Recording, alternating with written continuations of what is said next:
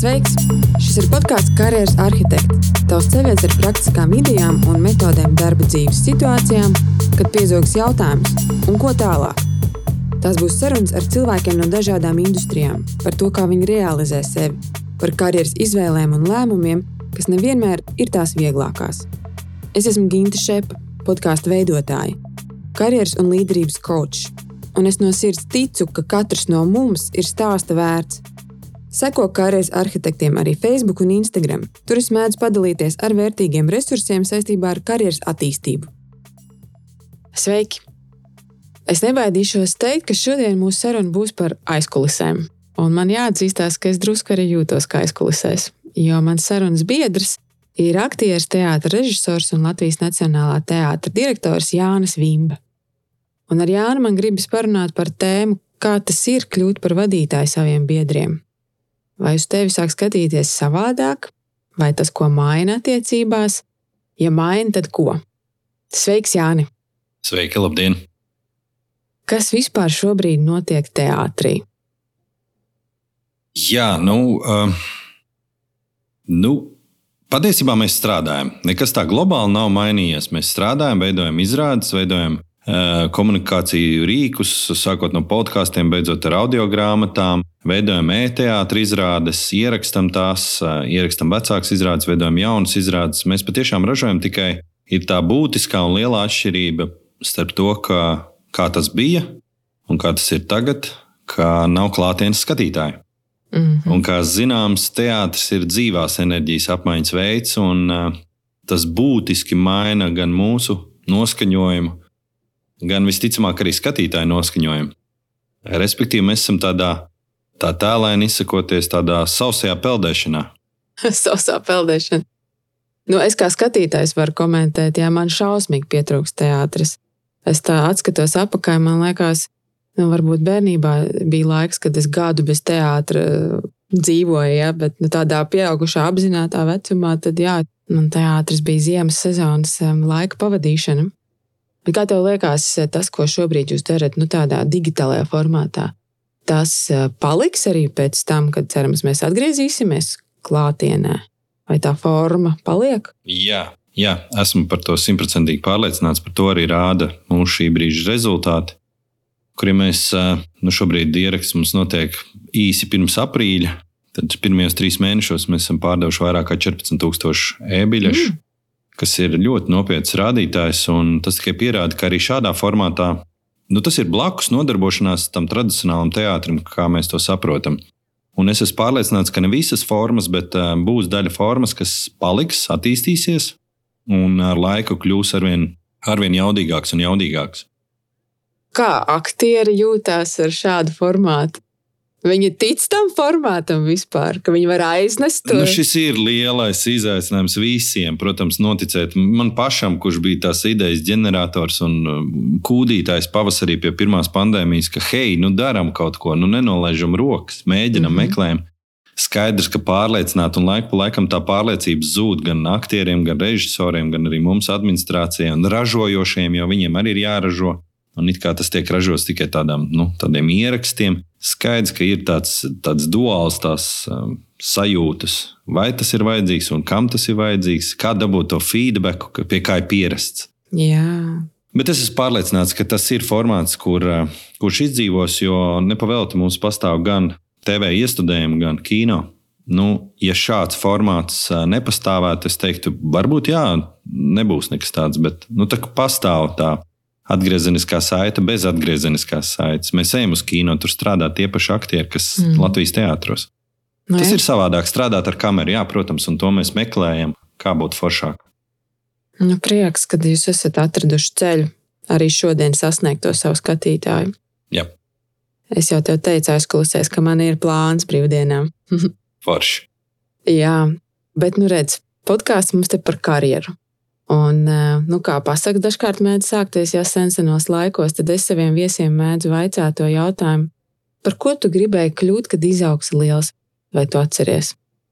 Es arī esmu teicis citās intervijās un kaut kur cilvēkiem, ka es godīgi neatceros, vai mm -hmm. es mhm. gribēju par kaut ko kļūt, bet es esmu pārliecināts, ka droši vien tie paši, kas citiem acu priekšā vidēji kā tādi supervaroņi, nu, droši vien milicis, nezinu, skolotājs, nezinu, traktorists droši vien. Vai kosmonauts arī. Es pieļauju, ka man arī bija, bet man nebija tāda viena sapņa, par ko kļūt. Un pie tā, ka es būtu tā turējies līdz apzinīgam vecumam, ne, tā man nebija. Nu, ok, bet man tavā biogrāfijā interesants šķiet fakts tajā, ka tu esi beidzis uh, LLU ekonomistus un tikai tad aizgāju uz aktieriem. Jā. Un kur tev notika tas slēdzis? Nu, tas stāsts, es tev arī pirms tam, kad mēs sazinājāmies, teicu, ka nu, tas stāsts būs nedaudz garāks, un nu, viņu savādāk, man liekas, nemaz nevar izstāstīt un paskaidrot. Es esmu no laukiem. Es uh, nebaidos, nekaunos, es patiešām lepojos. Es esmu no maza ciemata, tobrīd maza ciemata raganas. Mums apkārt vienmēr ir bijuši traktori, uh, jebkura veida dzīvnieki, lopi, nu, var sakot, rītīgs kolhos. Mm, mm. Un uh, arī mani vecāki ir no laukiem, un uh, man tā saikne ir vienmēr bijusi ar šīm divām lietām, it kā nesaistītām. Tā māksla, kas jaunā vietā Raganā tika uzcelta Krimuldas vidusskola, kurā bija peldbaseins, sporta zāle, deju zāle, un tur jauns uh, talantīgs, vēl ar vienu talantīgs deju skolotājs Agris Daņļēvičs, kas šobrīd vada dzirnas, bija atnācis un viņš mūsu tos jaunos zaļos gurķus, pirmā, otrā klasīte, visu savaņģoja iekšā, un mēs visi dejojām. Tad mēs izveidojām mākslas skolu, mūzikas skolu, mēs visi gājām mākslas skolā, mūzikas skolā. Var sakot, darījām visu iespējamo, ko skola tobrīd piedāvāja.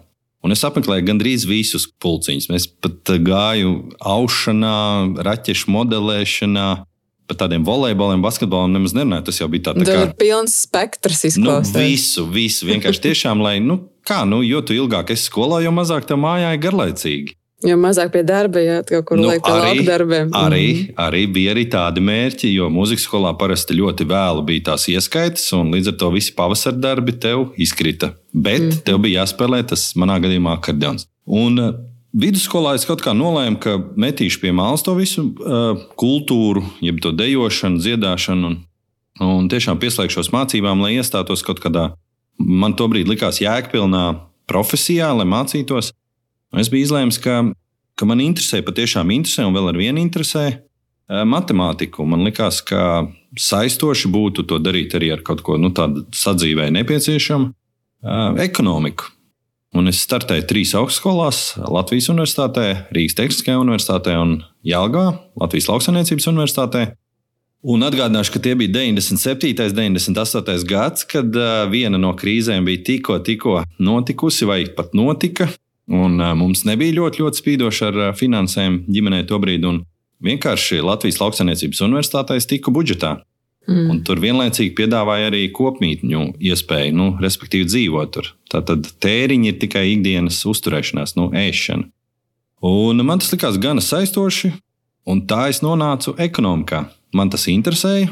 Es vienu brīdi biju nolicis maliņā to mākslu, kultūru, un tas bija arī finansiāli izdevīgi. Bet tu esi strādājis arī šajā jomā, nu, kaut kur nezinu, par, par ekonomistu, par grāmatvedi varbūt ar finansēm saistīta? Esmu gan, es, es neesmu grāmatvedis, man specializācija ir reģionāla attīstība un pārvalde. Oh. Tas ir vēl interesantāk. Jā, tas ir viss, kas saistīts ar novadu reformām, ar pašvaldībām, ar pašvaldību pārvaldību, vadību. Uh, jā, es pastrādāju. Es pastrādāju privātajā sfērā, vienā jumtu firmā, kā menedžeris. Tad es maizi tirgoju. Uh, tad pēc tam fina finanšu ministrijā strādāju. Kā vecākais referents strādāja pašvaldību lietu pārvaldē, kas jau bija tuvāk manai specializācijai. Nu, jā, esmu strādājis gan daudz. Man vispār liekas, kā tu to visu pagūvis. Jā, es zinu tikai tevi kā aktieri, jau tagad kā, kā direktoru teātrī. Izrādās, ka tev tur vēl ir entās lietas, ko tu esi darījis. Nu, jā, nu šis arī ir jautājums, kas man liekas diezgan vienkāršs, citiem liekas nesaprotams. Man tiešām viss interesē. Un vienmēr ir interesējis. Mm. Es esmu tāds dūlais dauka, kurš, eh, nu, pat ja īsti nesanāk, nu, pieņemsim tādu aušanu, nu, nemūžam man viņa nav sanākusi. Bet man interesē, kā tas ir sēdēt un tur piņķerēt kopā tos diedziņus, lai smuka beigās iznāk, nezinu, tur prievīt vai ko mēs tur audām. Man tas man kaut kā tiešām interesē. Jā, laika pēc laika kaut kādas lietas atkrīt, un viņas vairs nav tik interesantas. Tad es metu mieru viņām, bet nu jā, kaut kā tā. Nu, a, kurš bija tas brīdis, kad tu saprati, ka uh, aktieris, es gribu būt aktieris? Jā, un te ir tas otrs stāsta sadaļa, kas arī nav vienkārši. Es strādāju finanšu ministrijā, strādāju gan pietiekami ilgi, lai saprastu, ko tas nozīmē, ko nenozīmē. Es strādāju ar valsts izdevumu budžeta projektu katru gadu, respektīvi, tiešām likt ciparus kopā un ministram piedāvāju variantus no statistikas viedokļa. Bija milzīgi jaudīga programma, kuras apkalpoju. Es vadīju iekšā ciparus, un tad izdarījām secinājumus kvalitatīvus. Un es sapratu, ka īsti rīktīgi kaut kas nav, nav manā personīgajā dzīvē.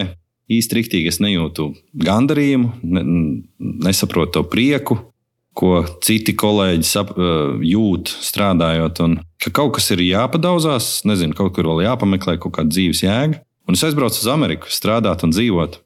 Mm. Es pu, pusgadu dzīvoju Amerikā, Connecticut štatā. Droši vien šobrīd jau var teikt, jo ir iestājies noilgums strādāja nelegāli, kā lielākā daļa tajā brīdī latvieši, jebkurā pasaules valstī. Uh, nu jā, un to laiku es pavadīju sevis sakārtošanā, jeb tādā med meditācijā, jeb precīzāk procesā, jo pie rezultāta es nenonācu.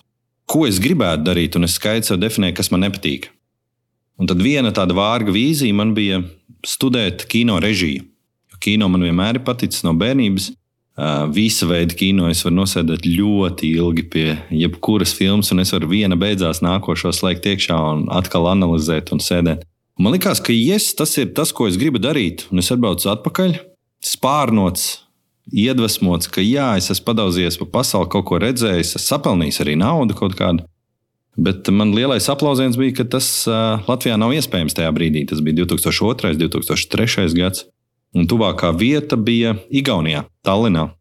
Tā bija, ja nemaldos, Baltijas. Eh, nu, labi, nosaukums nav svarīgs. Mm -hmm. Un es sapratu, ka es atkal skrietu prom no Latvijas īsti negribu. Nē, esmu gatavs, lai gan tā Tallinn, nu, protams, ir sasniedzama attālumā. Un eh, kaut kā sāku vandīties par Rīgu, loģiski bohēma, loģiski uzdzīve, loģiski kaut kādi draugi, paziņas parādījās. Un Vārds pa vārdam iepazinos ar Viesturu Dulli un Mēmo šovu. Mm -hmm. Bija kādreiz tāds producents kantors. Bija, bija. Un man ievilka, ka nu, tas skanēja smalki, bet patiesībā es vienkārši atlasīju anekdotus, nu, var sakot, redaktors. bet atlasīju anekdotus, kuras varētu filmēt tie īstie foršie aktieri. Un tur bija tādi aktieri kā šobrīd mans priekšnieks Māris Bezmers seriālā, mans draugs Kaspars Zīguls nu, var sakot, visi kolēģi, kas šobrīd man ir kolēģi. Un, eh, un sanāca tā, ka kaut kādas tur, nezinu, nedēļu, pusotru šie aktieri netika uz tām filmēšanām. Un, lai glābtu situāciju, jo tas bija ikdienas raidījums, man iemet kā aktieri. Oi, labs, šis ir labs. filmēties, un, un es teicu, nē, jūs ko, nē, es varu dejot, es varu dziedāt, bet ne, ne, ne filmēties. Es to nemāku un nesaprotu. Bet, eh, nu, loģiski izējas nebija. Pamēģinājām, Un tās divas svarīgās lietas, kas nostrādāja manā galvā, ka man pašam patika jau no pirmā brīža. Un uh, otra svarīgā lieta, kas ir daudz, daudz svarīgāka, manuprāt, jebkuram cilvēkam, ka apkārtēji cilvēki teica, ka tev sanāk vecīt. Tev sanāk. Mm -hmm. Tev ir jāmācās. Un tad es, protams, caur saviem draugiem, kolēģiem iepazinos ar Pēteru Krilovu, kurš teica, nu, tad, ko tu čakarējies, piedod, nu, sniedz mm -hmm. dokumentus iekšā, tieši šogad uzņem kursu, un, ja tiksi, tiksi, un, un mauc. Mm -hmm. Un es tiku, un tas ievilka tā, ka maz neliekās. Klausies, tev tā kā tas stāsts, kad iemet upē, ja, un tad skatās, vai aizpeldēs vai neizpeldēs. Un, un riktīgi, riktīgi sāka peldēt. Nu jā, nu, un šitais man vēl kāds cauri dzīvē, un es to sapratu. Tas vienlaicīgi ir mans kaut kāds posts, un, un vienlaicīgi arī kaut kāda veiksme, ka jā, es laiku pa laikam nokļūstu kaut kādās situācijās vai vietās, kur patiesībā nekad nevajadzēja līst iekšā, bet es kaut kā tur nokļūstu. Un, Tad sāku peldēt, mēģināt mācīties peldēt. Mm -hmm. nu, un reizēm arī iemācos. No kā ar, kā ar direktora, teātra direktora amatu, vai tur arī ir līdzīgs stāsts, vai tas bija tāds, nu, lekšs, un tad redzēs, ja tu tā ļoti mērķiecīgi par to domāji? Nē, tas nebija mērķiecīgi, tas bija lekšs, un tad redzēs, bija tā, ka es biju gandrīz jau pabeidzis režijas studijas, un es biju nolēmis patiešām mesties režijas lauciņā. Bet beidzās pirmais konkurss uz Nacionālā teātra direktora amatu neveiksmīgi un pagarināja šo, te, nu, šo te iesniegšanu, šo te konkursu. Un, un tas bija kaut kāds grūdienis man pirmām kārtām galvā, un otrām kārtām man, maniem draugiem, radiem, paziņām, kur teica, hei, jo tas gana publiski izskanēja. Mm -hmm. Visā, ka, ka konkurss ir beidzies neveiksmīgi un tiek otrais izsludināts konkurss. Ka tev taču viss ir tam, lai tu to varētu darīt. Jā, ok, vienīgā, vienīgais lielais mīnus, ko pēc tam arī komisijā man norādīja, kuras es mazāk punktus esot saņēmis par uh, pieredzes trūkumu. Un tas ir objektīvs rādītājs, jo nu, viņi man vienkārši nevar būt. Un viss kaut kā tā sakrita, ka es teicu, labi, es pamēģināšu. Es pasēdēšu, padomāšu, ko es redzu un vai es redzu vispār šajā lauciņā, jo tur bija gan nopietns konkurss un bija jāsagatavojas ar savu vīziju. Sagatavoju visu, ko vajag sagatavot, un gāju cauri šīm neskatāmām kārtām. Un ar katru kārtu man tā sēja palika ar vien nopietnāka, jo nu, tas vairs nebija joks, tas nebija tā, hei, pamēģināšu. Ne? Un es labi atceros, ka es biju bērnu dārzā, vienam no bērniem. Neatceros māmiņu dienu koncerts vai kaut kāds pavasara koncerts, un man zvana nepazīstams numurs. Es izēju ārā no tās un saku, labdien, šeit zvana no kultūras ministrijas, valsts sekretāra Dārts Vilsons. Jāni, vai tu vari piesēst? tiešām šādi teica, un, un tiešām tur blakus bija soliņš, apsēdos un teica, nu, Jāni, tad tā kā tu teici, ja vien tu domas neesi mainījis, tad mēs tev dodam iespēju. Mm -hmm. No tajā brīdī tu, no, tu tā pats noticēji, ka tas ir pa īstam? Oi, nē, es, ja godīgi, kad pusgadu man gāja ar to saprāšanu un apiekšanu, kur es atradies. Laika pa laikam man arī aizmirstās, kas es esmu, ko es daru. Mm -hmm. Nu, Es nezinu, droši vien citi cilvēki teiks, un iespējams šo arī nevajag tā publiski teikt, bet nu lai iet. Es esmu no tiem cilvēkiem, kurš laiku pa laikam apšauba pilnīgi visu. Pilnīgi. Kur es esmu, ko es daru, vai es vispār to daru, vai man tas sanāk, man, vai man to vajag darīt.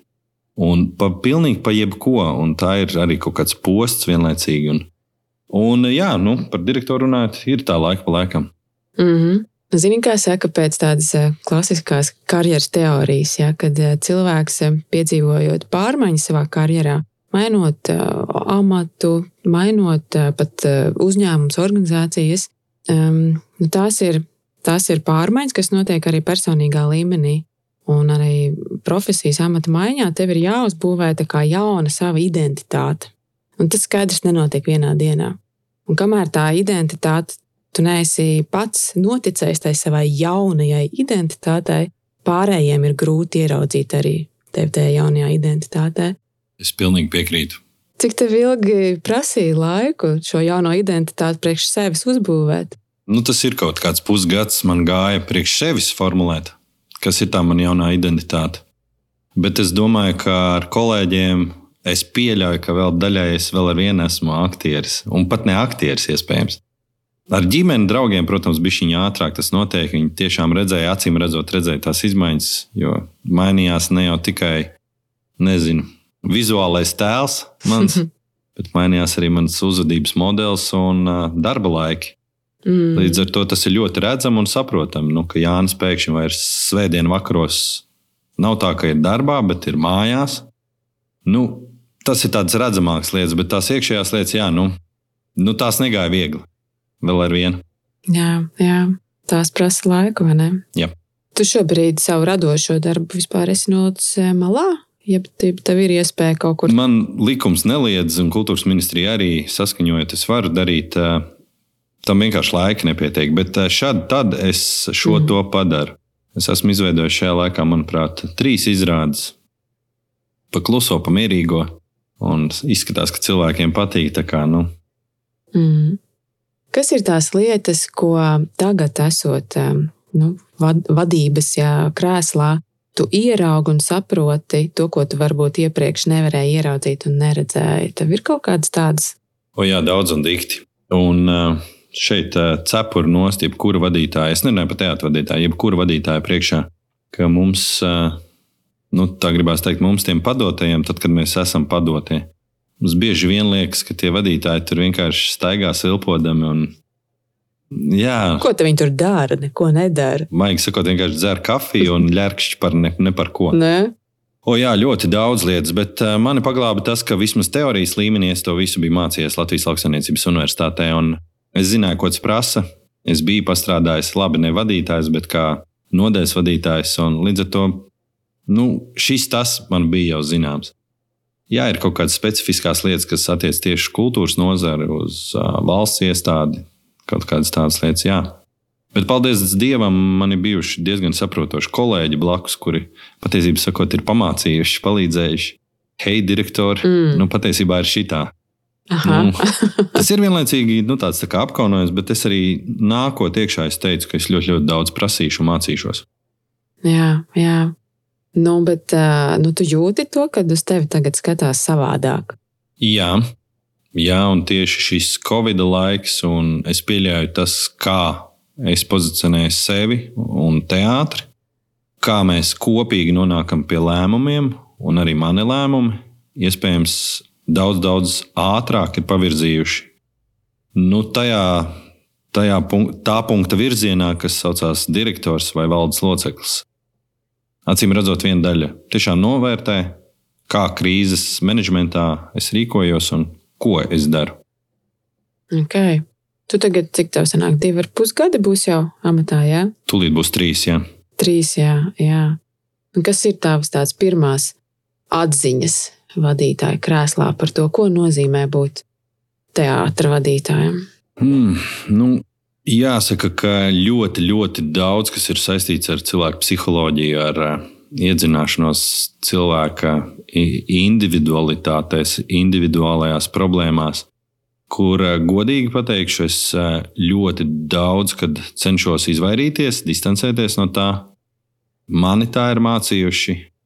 Es nezinu, vai tas līdz galam ir pareizi, jo cilvēks iekšā man kliedz, hei, tev taču jādzird pilnīgi viss, tev par visu ir jāpārdzīvo, tev viss ir jāzina, un jāzina visi bērni un mammas un, un nezinu, radinieku veselības stāvokļi, bet uh, es arī zinu vienlaicīgi, ka es uh, ļoti ātri varu sadegt. Un tādi posmi man ir bijuši, kad es esmu pārāk tuvu vai pārāk daudz esmu ņēmis.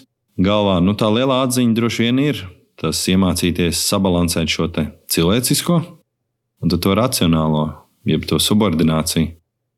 Tā ir tāda milzīga lieta, ko es nesaku, es esmu atrisinājis. Droši vien tur vēl paies 10, 15 gadi, lai vispār kaut ko nojaustu, kas tas ir. Ceļš garš. Jā.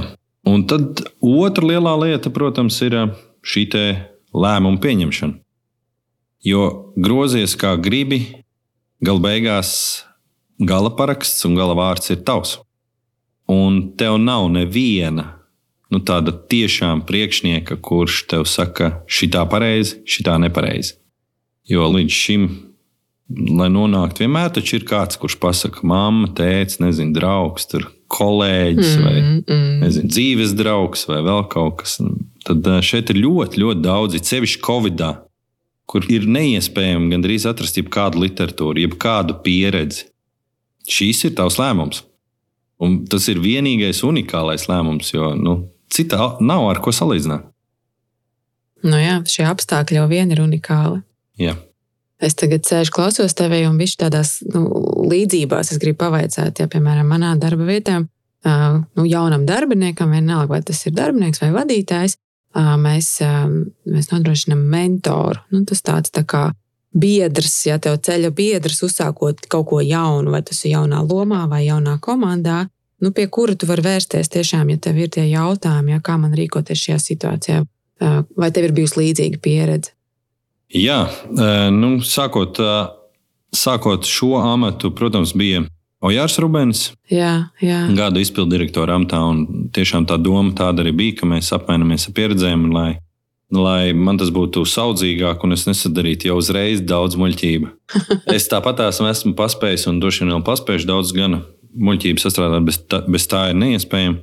Bet otrs, es šo noķēru kā nu, tādu pamatu uzstādījumu Nacionālajā teātrī. Un tiešām šobrīd jaunie darbinieki, kas tiek pieņemti, es viņiem piespēlēju badiju, mm. draugu, kurš pirmo brīdi nu, kaut vai palīdz uh, iemācīties, kā nokļūt no punkta A uz punktu B. Jo Nacionālais teātris, tiem, kas nav bijuši, ir gana sarežģīts tādā loģistikas ziņā, pa kuru gaiteni ietu, lai nokļūtu tur un pa kuru tur. Nu, tad kaut vai tik elementāri.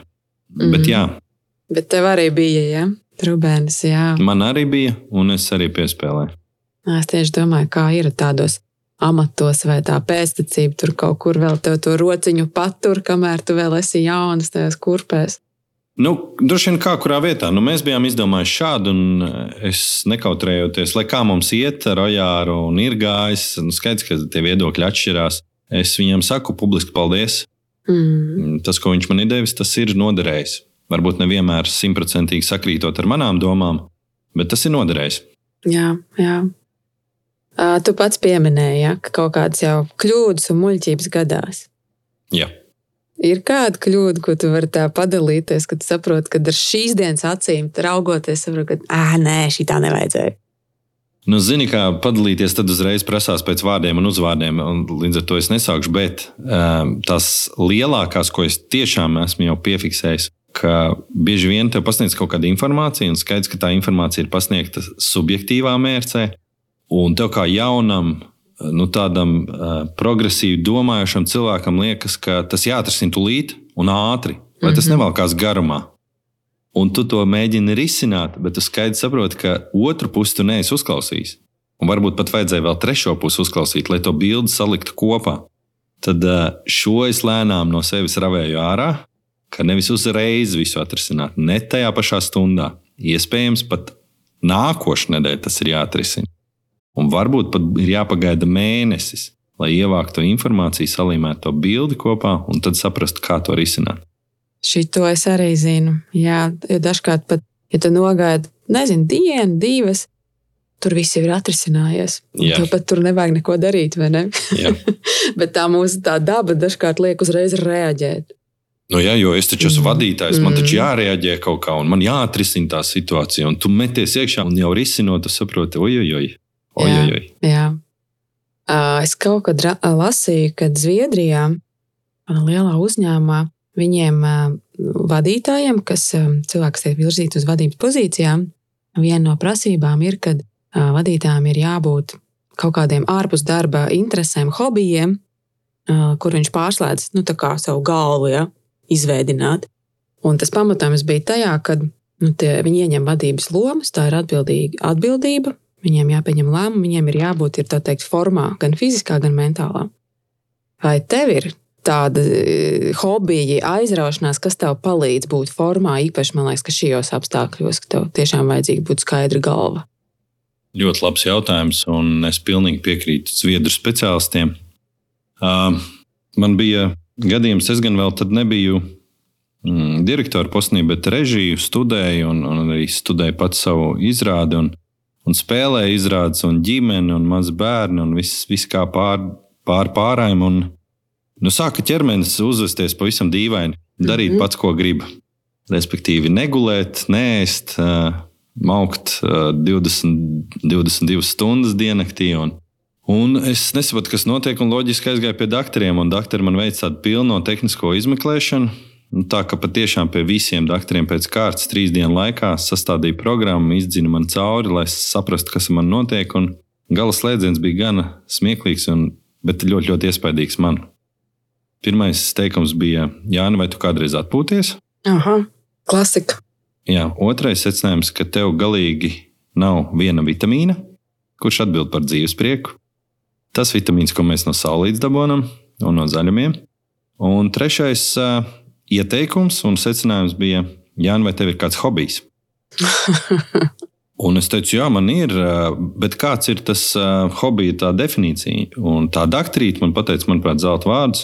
Tas ir kaut kas tāds, kam tev nekad nav žēl naudas, un tu neskaiti laiku. Mm -hmm. Un tad es teicu, nē, tāda tād man nav. Es saku, tev tādam ir jābūt, jo tu vadi cilvēkus. Tev ir jābūt atpūtušamies Tev ir jābūt spēcīgam, tev ir jābūt soli priekšā. Un es saku, es to brīdi tikai iestudēju izrādi kā režisors, kur arī ir atbildība par komandu un par gala produktu. Un tas man ļoti, ļoti iesita pa smadzenēm. Viņa teica, tu, protams, vari tā turpināt, bet nu, tas ir gadi, septiņi, astoņi, un tu būsi izdedzis. Viss tevis vairs nebūs. Un tas man lika saņemties un lika ieviest kaut kādus savus, savas lietas. Un, un, un paldies manai dzīvesbiedrei, kurš saprata šo visu, ka tas ir nopietni. Viņi redzēja, kā es uzvedos un kas ar mani notiek. Un tad jā, viņi man ļauj pasēdēt pie upes ar spinningu rokā. Mm, tur es nes, neskaitu laiku. Un tur reizēm es pazudu tā, ka ļoti, ļoti ilgi atnāk, nu, kad atnākam atpakaļ no mājās. Tāds pat ir arī kalns, bet, diemžēl, tajā kalnā nu, pēdējā, nu labi, šīs gads bija jau beidzot labs, bet šeit sakrīt viss ar covid, un es vienkārši netiku. Bet iepriekšējos gados es tiešām varēju. Man atļāva vienam pašam ar savu dēli doties uz kalnu un atgriezties, kad es gribu. Mm -hmm. Tā kā jā, man ir kaut kādi tādi. Un trešais lielais hobijs man ir mājas būvēšana. O, nu tur jau ir gan fiziski, Jā, ne, jā, Jā. jā, lai gan prāts pilnīgi citā Jā. ieslēdzās. un tur man nav žēl ne laika, ne naudas. Mm -hmm. Es redzu to mērķi, es redzu arī padarīto darbu. Jā, Un tas ir man tāds, nu, tiešām tāds nogurdinošs, jā, fiziski smags. Arī mentāli tur jāpieslēdzās tomēr visiem tiem rasējumiem, vispārējais, jo es tiešām pats būvēju. Pats ar savām rokām, nevis kā priekšnieks, tur atnāk un jā, ar jā. pirkstiem pamētāju. Bet tad tas ir mans hobijs, un es pie doktora paprasīju, jā. Viņa teica, Tas skaitās. Tas ir, tas ir hobijs. Nu, redz, nu jā, ne tā nopietni. Jā, jā, jā tas, tas tā šķiet varbūt tikai, nu, kas tad tas tāds hobijs. Un, nē, nu, par hobijiem runājot, tu kāds sakars tur ar darbu, bet um, tā mūsu jā, veselība ļoti ietekmē, cik mēs esam arī labi kā vadītāji citiem cilvēkiem. Jā. Mm.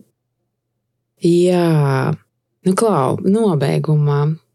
Vai tev ir kādi ieteikumi, ko tu varētu cilvēkam, kurš ir tikko kļuvis par vadītāju saviem cīņu biedriem, jā, ar ko tikko vēl varbūt mēs aprunājām mūsu vadītāju, un tagad viņš ir vadītājs? Ko tu ieteiktu? Kā viņam labāk būt komandas vadītājam? Nu, es esmu sev de definējis tās divas lielās lietas. Es nesaku, ka man tas viss sanāk un, un darbojas vienmēr un simtprocentīgi, bet ir tas smieklīgais salīdzinājums un piemērs par mērķiem. Vienmēr ir jāiet mērķa virzienā, un, ja nesanāk iet, tad jārāpo, un, ja nevar rāpot, tad vismaz guli virz tajā virzienā. Uh, un tur ir ļoti liela patiesība tajā visā. Jo pat ja tu lēni virzies, bet tev ir mērķis, tu kaut kad viņu sasniegsi, ja vienmēr tu būsi progresējis. Un, un tas savukārt saistīts ar to, vai tu šodien esi kaut nedaudz labāks par to, kāds tu biji vakar. Mm. Un tas ir tas mērķis, kurā es guļu lēnām, bet guļu. Un uh, otra lielā lieta, kas droši vien daļai klausītājiem, es pieļauju, ka daļa arī man darbinieki kādreiz kaut ko dzirdēs no šī, bet uh, tas ir arī mana viena no lielajām atklāsmēm, ka tu cilvēkam nevari dot bezgalīgi daudz iespēju, otro iespēju. Diemžēl, bet tā nu tas ir, ka acīm redzot, jauns vadītājs ir tiesīgs, un viņam pat ir pienākums, lai sasniegtu mērķi, ir jāmaina komanda. Tev ir nācies šādus lēmumus pieņemt? Uh, Tieši tāpēc es arī tik apzinīgi un pie pilna saprāta to saku, ka jā, ir nācies, jo dodot trešo, ceturto, piekto reizi, otro iespēju, tu nekādā veidā netuvojies savam mērķim, jeb kopējam uzņēmuma mērķim. Un, diemžēl ir jāpieņem lēmumi, kuri ir nepopulāri, un tieši tāpēc tu esi vadītājs. Nu, bet kā tev? Nu, es, es, es, es ticu, ka arī rekur, būdams jā, daļa no kolektīva, agrāk kā aktieris, nu, tur kaut kādas emocijas nāk līdzi, un tās attiecības tomēr jau jums ir. Jā. Jā, kā pēc tam saglabāt tās attiecības mums ārpus teātra, jeb ārpus tā darba vides? Nu, tas ir gan, gana sarežģīts jautājums, jo patiešām es esmu atlaidis savu labāko draugu. Nu, nu, tas ir drausmīgi. vai ne? Jā. nu, Jā, tajā brīdī mums abiem drausmīgi, jo viņš zināja, ka viņš ir pelnījis, un es savukārt zināju, ka man ir visas tiesības to darīt. Bet es drīkstēju arī to nedarīt, loģiski. Bet uh, mēs sapratām, ka mums abiem tas būs labāk. Bet tagad mēs komunicējam, esam ar to tikuši galā, un cilvēks ir atradzis sev jaunus izaicinājumus. Un, uh, jā, nu, tas ir smagi, un šī ir lieta, ko, kā jau teicu, bija iepriekš, ka es reizēm nemāku nodalīt, nemāku to, to subordināciju, to bišķiņu, to attālināšanos no, no tā sava padotā, kaut kā ieturēt. Un nu, bieži vien gadās pārķert pārāk emocionāli to visu. Jo nu, tas grozieties kā gribat, bet vienalga ir darbs. Un es, savu, es daru savu darbu. Es nu pieņemu un atlaižu cilvēkus. Nu, es nedomāju, ka nu, nezinu, salīdzinājums kāds stulbs tulīt ienāks prātā. Jā, nu, pieņemsim, piena paku fasētājs pārdzīvo par to, ka viņš piena pakas ir safasējis un atlaiž viņas pārdošanā. nu, droši vien nē. Nu, nē. Bet šeit ir dzīvi cilvēki. Un mm. tie mūsu instrumentu vadītājiem ir dzīvi cilvēki. Jā. Kas tev palīdzēja tomēr arī tās attiecības pēc, pēc tam saglabāt? Uh, nu es cenšos gan atklāts būt un cenšos nerunāt apkārt par lietām, kuras mums abiem deg. Mm. Censties būt pēc iespējas uh, racionālākam, konstruktīvākam un tiešām runāt par lietu. Un tad agri vai vēlu, gan viens, gan otrs, un pat ja es kļūdos, es nonāku pie secinājuma, ka es kļūdos. Nemēģinot ne sev, ne otram samalot, bet runāt par lietu. Ir fakts, konkrēts pierādījums, tas nav izdarīts, vai, vai ir izdarīts slikti. Un tad nu, vienreiz, otrreiz, trešo reizi, un, nu, diemžēl, kas palīdz. Nu, nu, droši vien tas arī palīdz, ka pēc tam es varu atklāti runāt par to, nesagrozot faktus, ka taču tā bija. Tu piekrīti, mm, mm. ir pagājis laiks, mēs varam par to parunāt. Un, un tā ir. Skaidrs, ka nevienmēr sanāk, es te zinu, buru tādu ideālu pasauli. Nu, nu, tā gluži nav. Reizēm jau ir sanāk, viss kaut kā. Jā, nu, mēs katrs esam cilvēks un jā, tās lietas redzam no savām pozīcijām, bet uh, es piekrītu par to, ka par faktiem ir runāt vieglāk nolikt no tā emocijas. Tad, jo, nu, fakts ir fakts. Tu tur Jā. interpretē, kā gribi, vai ne? Jā. Um, tu sākumā teici, ka tu esi cilvēks, kuram interesē daudz kas, un tur ir daudz, ko es arī mēģināju. Tu pieļauj domu, ka varētu būt kaut kas vēl bez teātra, tavā profesionālā dzīvē, tālāk raugoties. Zini, es jau sen esmu sapratis, ka droši vien. jo Nu, es saku, es reizēm nokļūstu tādās situācijās, vietās, kur nu, liekot bildi kopā, nu nekādīgi tur nevajadzēja nokļūt, vai nevajadzēja satikt to cilvēku, vai nevajadzēja tur vispār startēt vai interesēties par to. Bet, nu, acīm redzot, tas ir tas dulā augs sindroms, un droši vien dažreiz man tas palīdz, dažreiz traucē. Es stabili esmu pārliecināts, ka šis uh, nav beigas. Mm, jā. ka būs vēl kaut kādi izaicinājumi. Nu, man simts gadus vajadzēja tos aktierus. Nu. Simts gadus man vajadzēja režisors. Baigi man vajadzēja to direktoru amatu. Nē, es galīgi neesmu. Ja mēs runājam par karjeru, es neesmu karjerists. Es nekad tāds neesmu bijis. Es neesmu tiecies par visām varītēm, būt pirmais priekšā un saulītē. Nekad. Es patiesībā esmu pilnīgs introverts. Pretējā virzienā. Bet nonākt uz skatuves, nu priekš kam? Priekš kam šādam cilvēkam nonākt uz skatuves? Bet nu, kaut kas dzen, un kaut kas vienmēr liek kaut ko darīt vairāk, kaut kā savādāk, kā pāri sev. Iespējams, mm. tas arī. Nu, katru dienu kaut kādu bišķiņu sev izaicinājumu. Es domāju, ka jā. Nu, es esmu pārliecināta, ka jā. Dzirdot, kā vispār jā, tas tavs ceļš, kā viņš ir veidojies, jā, un kādas tur tās um, nejaušības ir nospēlējušas savu lomu, man liekas, ka tas tev vienkārši kaut kur ir ielikts šūpulī. Nu, kā, kā no anekdotēm, ja anekdošu atlasīšanas cilvēks rekur Nacionālā teātra direktors. Precīzi, precīzi. Jā. jā. Nu, skaisti, nu, klausies. Nu, prieks, prieks dzirdēt šādus stāstus. Milzīgs tev paldies par tavu personīgo aizkulišu atvēršanu, ieskatīšanos tavā stāstā. Es gribu novēlēt tev un taviem kolēģiem nu, jau pavisam drīz, lai ir zāles pilnas ar skatītājiem. O, jā. Mm. jā. Mēs visi esam, man liekas, ļoti, ļoti noilgojušies pēc tā. Jā. Bet kamēr nē, tikmēr tiekamies e-teātrī. Jā, jā, skatāmies uh, digitālās izrādes, jā. kas ir laba iespēja. Super. Un, savukārt, ja drīkst novēlēt no savas puses, Un tas man arī tāds meditācijas procesā nu, at, atvērušās acis, ka ļoti daudz ko mēs vienkārši nepamanām, ja mēs esam aizvērti. Mm. Ja mēs esam atvērti uz visa veida impulsiem, ne tikai smadzenēm un ne tikai sirsniņa, ir vēl citi impulsi. pat brutāli impulsi, kur tev grūž labākie draugi, paziņas, nezinu, svešinieki. Ja mēs, jā, tas bieži vien noved pie jocīgām situācijām. Jā, bieži vien sanāk krist un sasisties, bet tu visu laiku attīsties. Tu visu laiku esi pieslēdzies pie kaut kādām iespēju, tādiem āķīšiem, pie kuriem vai nu tu ķeries vai nē. Mm. Man pat neko negribās vairs likt klāt. Brīnišķīgs nobeigums. Paldies! Tev. Paldies! Un ar tevi, klausītāji, tiekamies jau pavisam drīz nākamajā kādā stāstā. Atā! Jā, tā!